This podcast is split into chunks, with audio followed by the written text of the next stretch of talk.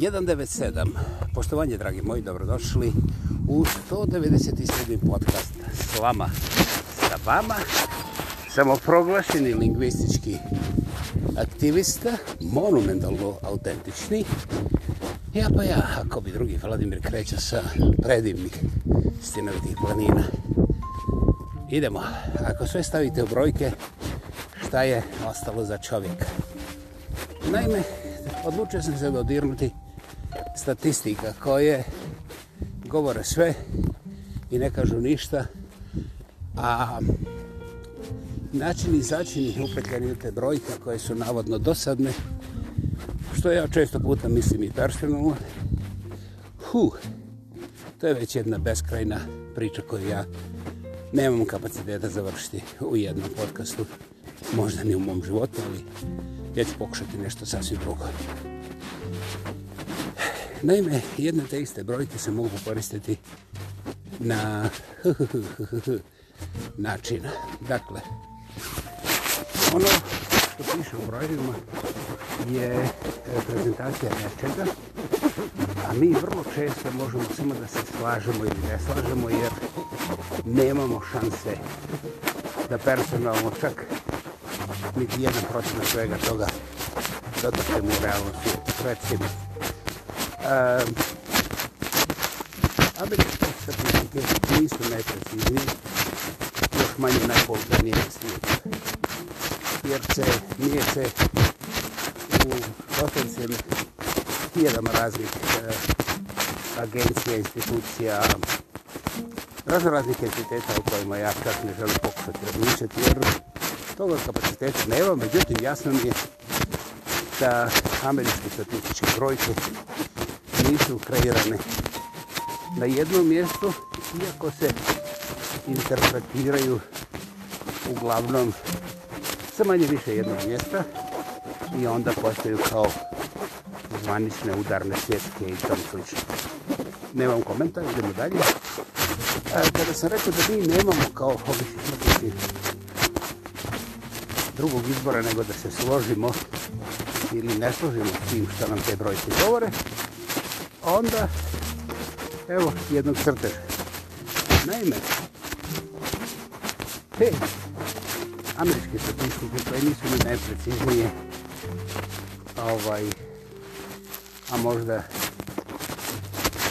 vjerovatno ni naj, najistritija, ako pogledate god neke uporadne, a, ima nekoliko stvari, ali ono što ja ističem je da nema tvatrice ljudskog života i okolo ljudskog života je u društvu, u, u zemlji, u državi, u e, proizvodnji, u svim oblastima ljudskog života gdje Amerikanci ne broje, promatriju i stvaraju statističke profile na sve moguće načine.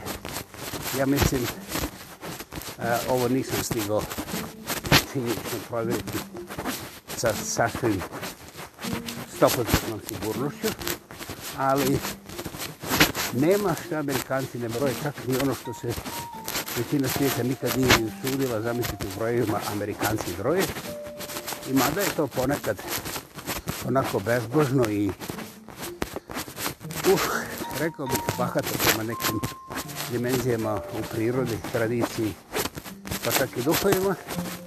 Na kraju se ispostavlja da to brojanje ipak donosi nekakve činjenice i nekakav drugačiji pogled na svijet, jer ljudi htjeli i ne htjeli kad im neko ubaci broj u bilo koju svakodnevnost, u bilo koju aktivnost, u bilo koje razmišljanje, u bilo koji životni segment, ljudi, što je vrlo interesantno, ne ostaju indolent ljudi o tim brojkama razmišljaju, čak i kad ništa ne misle drugim riječima.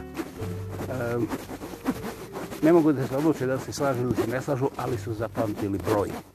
I taj broj kasnije donosi nekakav korektiv ili kod nekih ljudi to pokreće sasvim suprotne aktivnosti, ali ne ostaje neutralno. To je nešto što bih ja nazvao ovaj, sociološkom fenomenologijom i obratite pozornost na tomu. Urbani. A to je ono što prolazi pored nas, a mi zapravo ne vidimo kapacitete koji nam se nude. No, ostavimo to po strani, ja sam obećao primjer sa crtežom. Dakle, kako mi samo možemo sa statistikama da razgovaramo na način ili se slažemo, se ne slaže, sviđa mi se, ne sviđa mi se i sve te druge naučno znate metode. Recimo, te američke statistike. A recimo ja i pored najbolje volje, ovaj, evo slučajno, hrvatske statistike sam pokušao, pa onda bosanske. I ovaj, tamo kad sam odustao, onda je palo na pamet, čisto radi što sad da vidim imali Albanci nekakve statistike. I pogodite 747 puta šta sam pronašao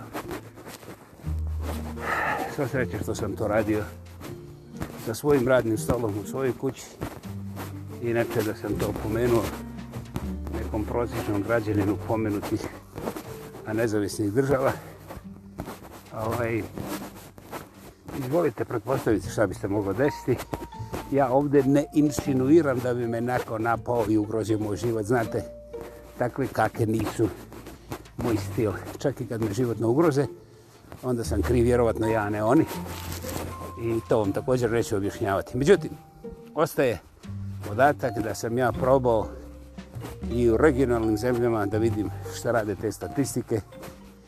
Nisam našao doslovce ništa, posebno u smislu brojke, jer brojke su ipak osnovni jezik statistika, mislim na onome a, načelnom nivou komunikacije. I onda sam se vratio to je, u te američke, kanadske, vrlo solidno prate američke, to je vrlo interesantno, posebno u zadnjih 10-20 godina. I onda ovaj tamo kaže ovako. Vrakovi imaju nekoliko prizda u životu, lijevo desno, ali ja sam uzao jedan segment, a, znači brakovi gdje je zadnje dijete najzad završilo srednju školu ili fakultet i otišlo iz kuće, znači da su oni empty nesters, kako se ovde zovu, znači kada djeca odu svojim putem, to se obično dešava, počinje sa 45 pa tamo do 60-65 godina starosti i to su brakovi koji su uspjeli da žive učinjeni 20 godina i više. Mi znači govorimo statističkim rječnikom brojeva, a ne utisaka. Takvih brakova u Americi, u Americi, vjerovali vi ili ne, nema više od 30 miliona. Aha. Sad zamislite taj broj. Ovo se vam treba reći kasnije, ali neću da se igram suspension, jer ovo ipak nije misteriozna emisija o misterijama i misterima, misterima, ja, ja, da, da, dobro, to sam rekao, znači jezik mi radi, to je dobro, košljivi mozak. Znači, mi govorimo o 30 miliona brakova. Nešto malo manje kad budete brojeli. Sada mi recite, ko od vas može da izbroji da mi kaže da u Americi od 40. godine pa preko gore postoji u knjigama lokalnim, da li crkvenim, da li općinskim, upisano 30 miliona sada živućih brakova. Da li možete zamisliti šta znači 30 miliona nečega, bilo čega i čega? Onako, među nama govoreći. Da li možete, evo ovako, bez predugačkog razmišljenja, razmisliti kada bi brojali 1, pa onda 2 miliona 430 752, pa 43 miliona 200, znači kad bi brojali jedan po jedan, koliko vremena bi, vremena bi vam uzelo samo da nabrojite do 30 miliona?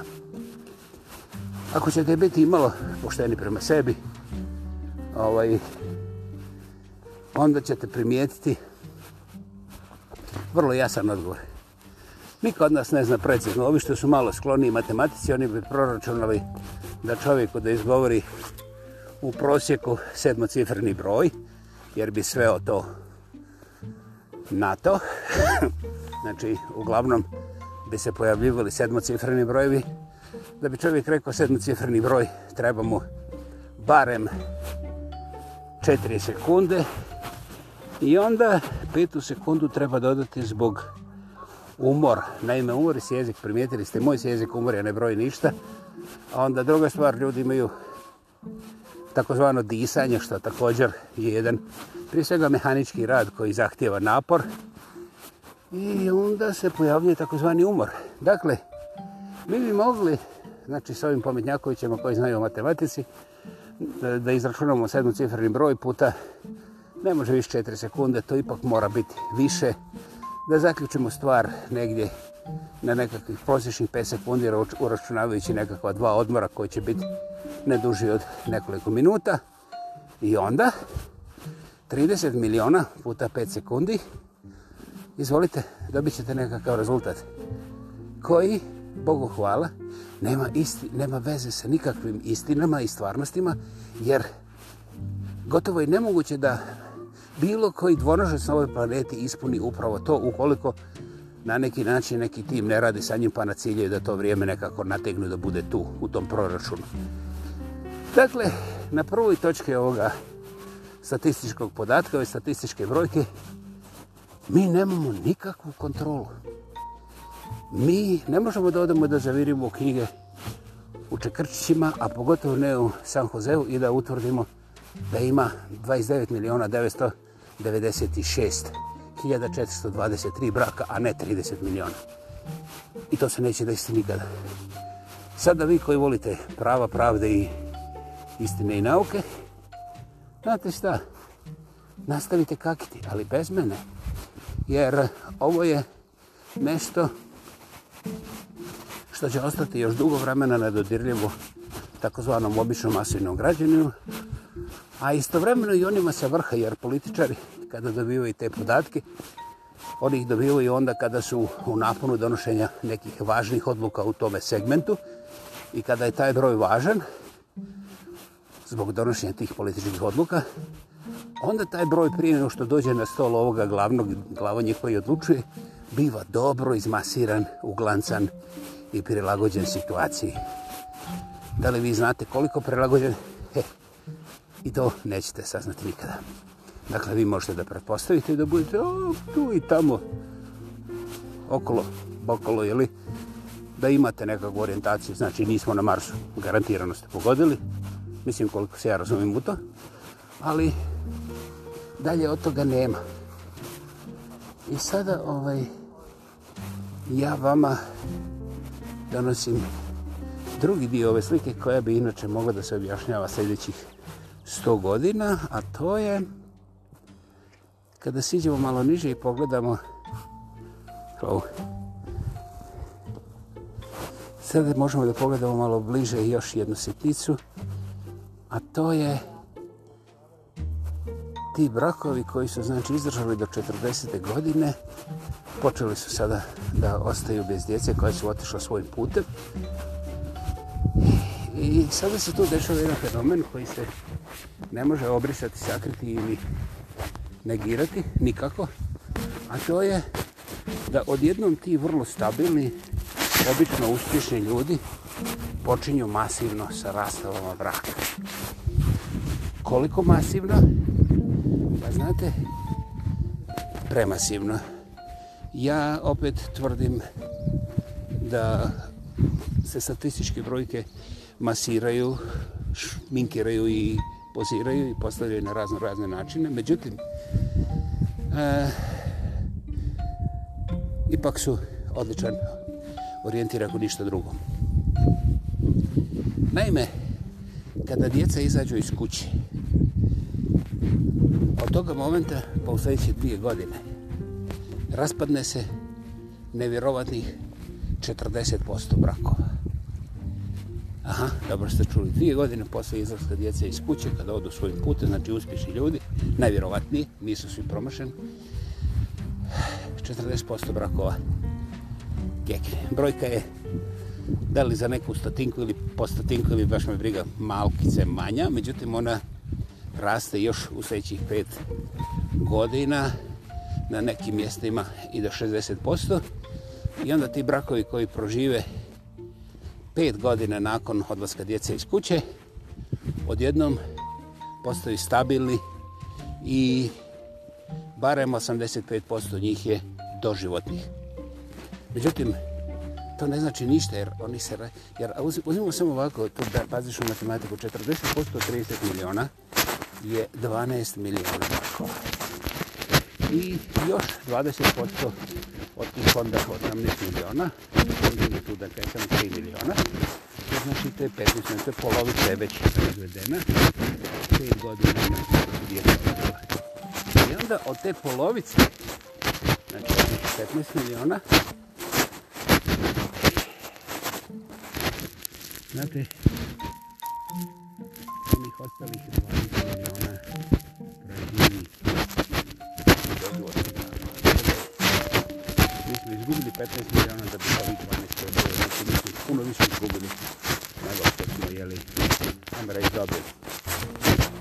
mu to govori? Ne znam, recite mi vi. U našoj društvi na takve slike i prilike ne postoje kad nas postoje ubojstva, kad nas postoje krvava razrušavanja ili ovaj, bahata razbacivanja, a ona takozvana srednja klasa koja nikad nije bila srednja, ne znam, mogli osmeđu koristiti za preživljavanje, šuti i zato to naše regionalne države nisu spremne da svojim studentima, recimo, statistike u Sarajevu, u Zagrebu, u Zagradu, da im ovaj, financiran jedan projekt gdje bi oni zavirili na teren u stvare živote stvarnih ljudi i provjerili kako to stoji kod nas. Kod nas je uglavnom ostalje na ono što su zabilježile lokalne kancelarije, ovi mrtvozornici, policajci, općinski ovi čate za sklapanje braka, rasklapanje braka i tako dalje. Ti brojevi su, evo gledano površinski je ovdje iz Stanovitih planina. Bože moj, ne piškim ja, ne piški slon. Ovo je, ovo je simfonija Elbow River u proljeće 2021. u 197. podcastu s vama sa vama. Ja, to je reklama kao dama. A ja sam tu, a ja sam tu. Dakle, kao što vidite, brojevi su nevjerovatni. Ja neću dalje da idem ispustiti da kritiziram ovo tamo. Ne bih ja to nikad radio. Ja sam mlad, lep, plav, nepogrešiv i skroman. Hvala na aplauzu. Ovaj, I, dakle, imamo stanje u koje se normalan čovjek ne usudi zaviriti, ali istovremeno svaki seljoberski sa dva pivine dvije pivine, dobro, ajde šta si s tim na glaskima i padežovima, i pusti me lepo.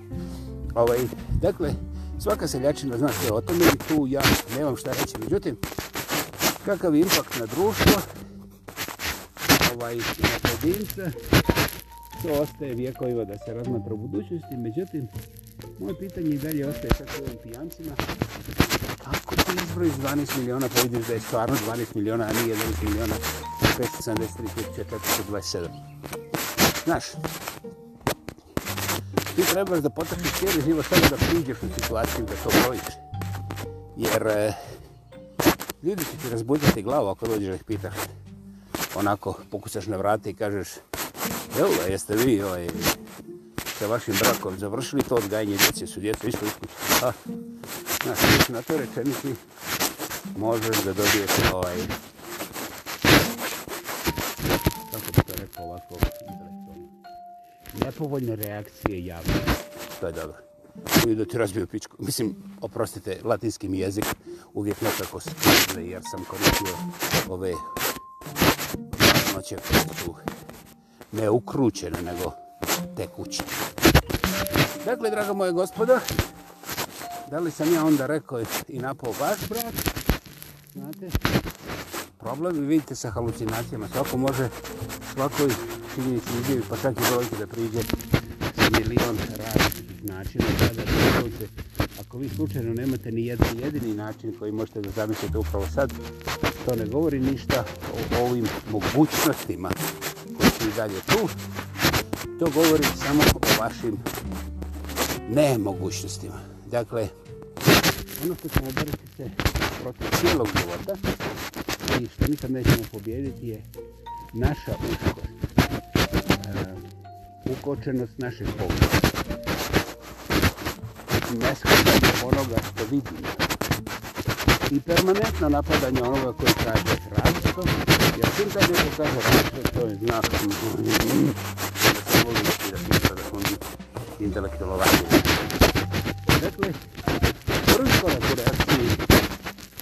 današnjeg takozvanog modernog čovjeka na zapadnoj hemisferi, a pogotovo regionalnog, je, hej, ako se ti ne slažeš sa mnom, onda si ti, ček, ček, ček, ček, šta sam, ja sam ljevičar, aha, pa ti si ljevičar, i to ne samo ljevičar, ti si ljevički ljevičar sa ruskom njuškom i komunističkom dušom.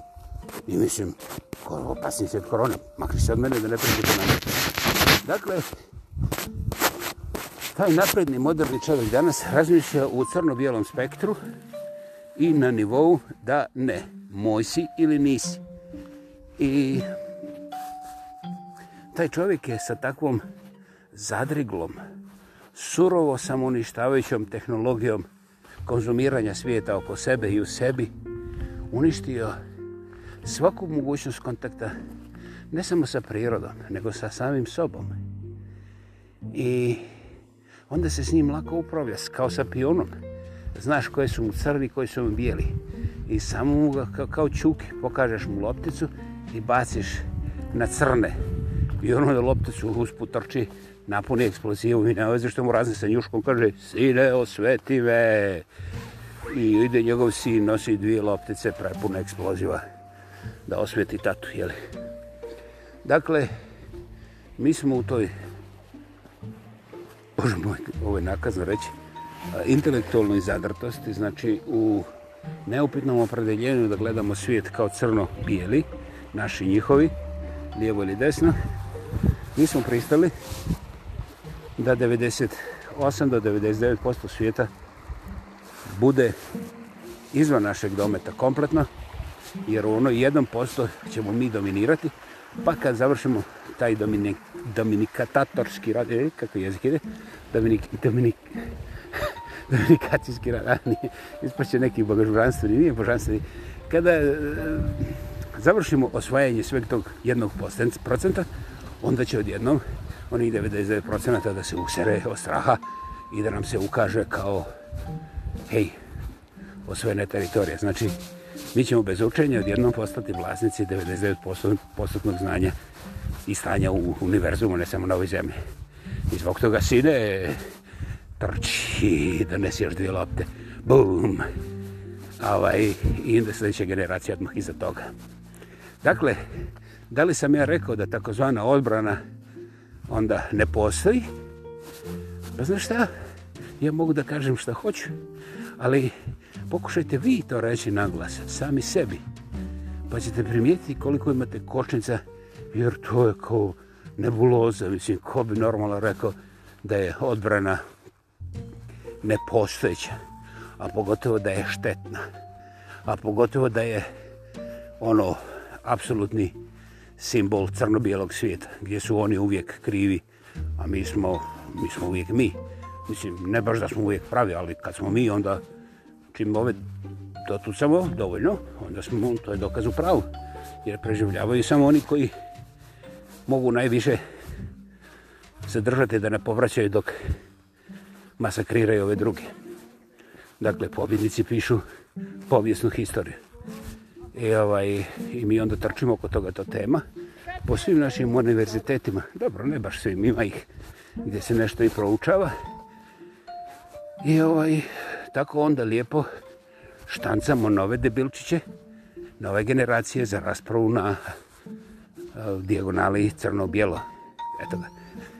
I onda u tome prostoru, opet da se vratimo u statistiku, postoji strašno puno brojeva koji, ako bi čovjek htio da pogleda, govore sve jezike svijeta. Ja, evo, samo ću reći jedan jedini broj koji nisam uspio naći. I ovaj poprvići sam frustiran poradi toga. Naime, jedan od vrhunskih generala američke, američke vojske u drugom svjetskom ratu je nakon završetka rata na jednom predavanju rekao da je svaka bomba bila pljačka e, prave američke familije da je svaka bomba bila cijeđenje krvi našem poštenom radniku kroz takse i kroz sve ostale davanja da bi se ta bo bomba proizvela, isporučila, pa onda i bacila tamo negdje. Znači, prije nego što ta bomba napravi bilo kakvu štetu, ona je već napravila ogromnu štetu u familijama tih država, tih radnika, te države, znači te nacije koja je to platila u ime odbrane i slobode. E, ja vam neću reći ime generala iz jednostavnog razloga što u recimo Smithsonijanu, ako zavirite malo te čuvene generalske izjave, onda možete naći ovo je u onom sitnim slovima tiskana, i postoji još na nekoliko mjesta, ali je interesantno kako je ljudi ne izlače vani. Ja sam u ovih 20 godina vidio jedan put ili dva put u nekim sporednim diskusijama i to je sve. Ali mi smo ovdje o statistikama, pa recimo o tim nekakvim generalima iz drugog svjetskog rata. Podatak koji ja nisam mogao pronaći, ako ga vi pronaćete, molim vas, izvijestite me, je koliko novaca je koštalo na oružanje bilo koje armije. Recimo u tom drugom svjetskom ratu. Dakle, ko je i koliko platio od one vojničke čarape, obroka, bombe, noža, šta su već potrošili i da li takav broj postoji zaključno za svaku godinu. Da li se može vidjeti koliko? Ja znam da postoje brojevi koliko je proizvedeno ovoga, koliko je proizvedeno onoga, ali u ime nacionalne kao opet interesa nacionalne zaštite, odbrane sigurnosti i bla bla ostali, onda ti brojevi se objašnjavaju, objavljuju sa znatnim zakašnjenjem, da ne prijatelj ne bi ono, znaš, skužio, i ne objavljuje se u cijelosti, jer opet, znaš, ne prijatelj će vidjeti da mi imamo ove godine 2 miliona noževa manje, mislim, hej, neće nam poslati dovoljno kobasica. Mislim, ko bi to? Dakle, mi imamo jednu instaliranu paranoju u kojoj ovi mudri proizvođači čarapa i noževa, naravno odbrambenih, nikako drugačije, uzimaju vrlo često bez ikakvih poreza, pošto oni rade za narodnu odbranu, znači narodni interes ili nacionalni interes, sve jedno mi je. Znači, ta gospoda ovaj, uzimaju apsolutno nevjerovatni novac i ne polažu račune nikome dok god proizvode dovoljno oružje. A ne može im ništa ni statistika jer bilo koji statističar koji bi došao da provjeri koliko je ove godine proizvedena noževa za nacionalnu odbranu, on bi prije svega ako bi uspio da uđe bio bi izbačen. Jel? To sam vidio ovdje u Americi, ima ovih dosta ovih youtubera koji su nešto pokušali. Dakle, mi pojma nemamo. Mi smo konstantno pljačkani. Isto kao krave koje znaju da daju mlijeko, ali već i one plaču. Mlijeko je postalo u zadnjih 50 godina nešto sasvim drugo. Ne bih samo o kemiji i prehrani, nego mi ne obraćamo pažnju da te krave imaju svijest i da vide da 99% njihovog mlijeka nikad neće doći do njihovih, njihove telade. Eto, tako se mi ponašamo. I naravno, onda svu tu frustraciju potpuno posvisno redirektiramo na dušmane, znaš, one tamo crne, jer, znaš, ovi nas, naši, ne bi toliko krali da nije oni crni. Ali bolje da nas naši kradu, jer ovi crni će nas ne samo krasti, nego i džebati, razumiješ? Mislim, a to je strašna razlika, mislim, možda i nije jebeš ga. Šta je znam, međutim, ljudi ne razmišljaju o tome, znaš, pa onda postoji na poziciji broj 1 onda se iz čista mira promijeni ali ja sad ne bih o tome, to je budućnost ratovanja u ovim modernim uvjetima. I sve ove spravice s kojima dosta toga možemo da možda ne izmirimo, ali da saznamo, mi koristimo samo za drkanje, krkanje i šta ono još? A, za krkanje i drkanje, da, da onda idemo s ove strane, pa normalno. Dakle, kao što vidite, inteligencija masovnih masa je potpuno spremna da više ne trčemo samo za ovim lopticama, možemo trčati i za klipovima koji su eksplozivno jeli, nabijeni. Nisam mislio biti ciničan, međutim, ova situacija o kojoj govorim je nevjerovatno ozbiljna, nevjerovatno duboka i nevjerovatno presudna za egzistenciju civilizacije koje mi kao pripadamo. Pokušajte mi objasniti šta to znači, ali nekom drugom zgodom. Ja vjerujem da ste imali stomaka da dođete do ovdje. Hvala vam. 197. Sloma se vama završava. To sam ja, ja pa ja. Ko bi drugi, Vladimir Kreća, sa predivnih stjenovitih planina? Jeste Kreća. Dikcija, sreća moja, gdje ode u učinu? Pa, pa obiže mi u šumu čoveče, zabolio mi jezik. Toga nema u statistici. Statistici također. Nisam doručkovo ljude, u tom je problem. Doviđenja. Doviđenja. Čujemo se prije nego što se vidimo. Najljepši pozdravi, imajte predivan dan.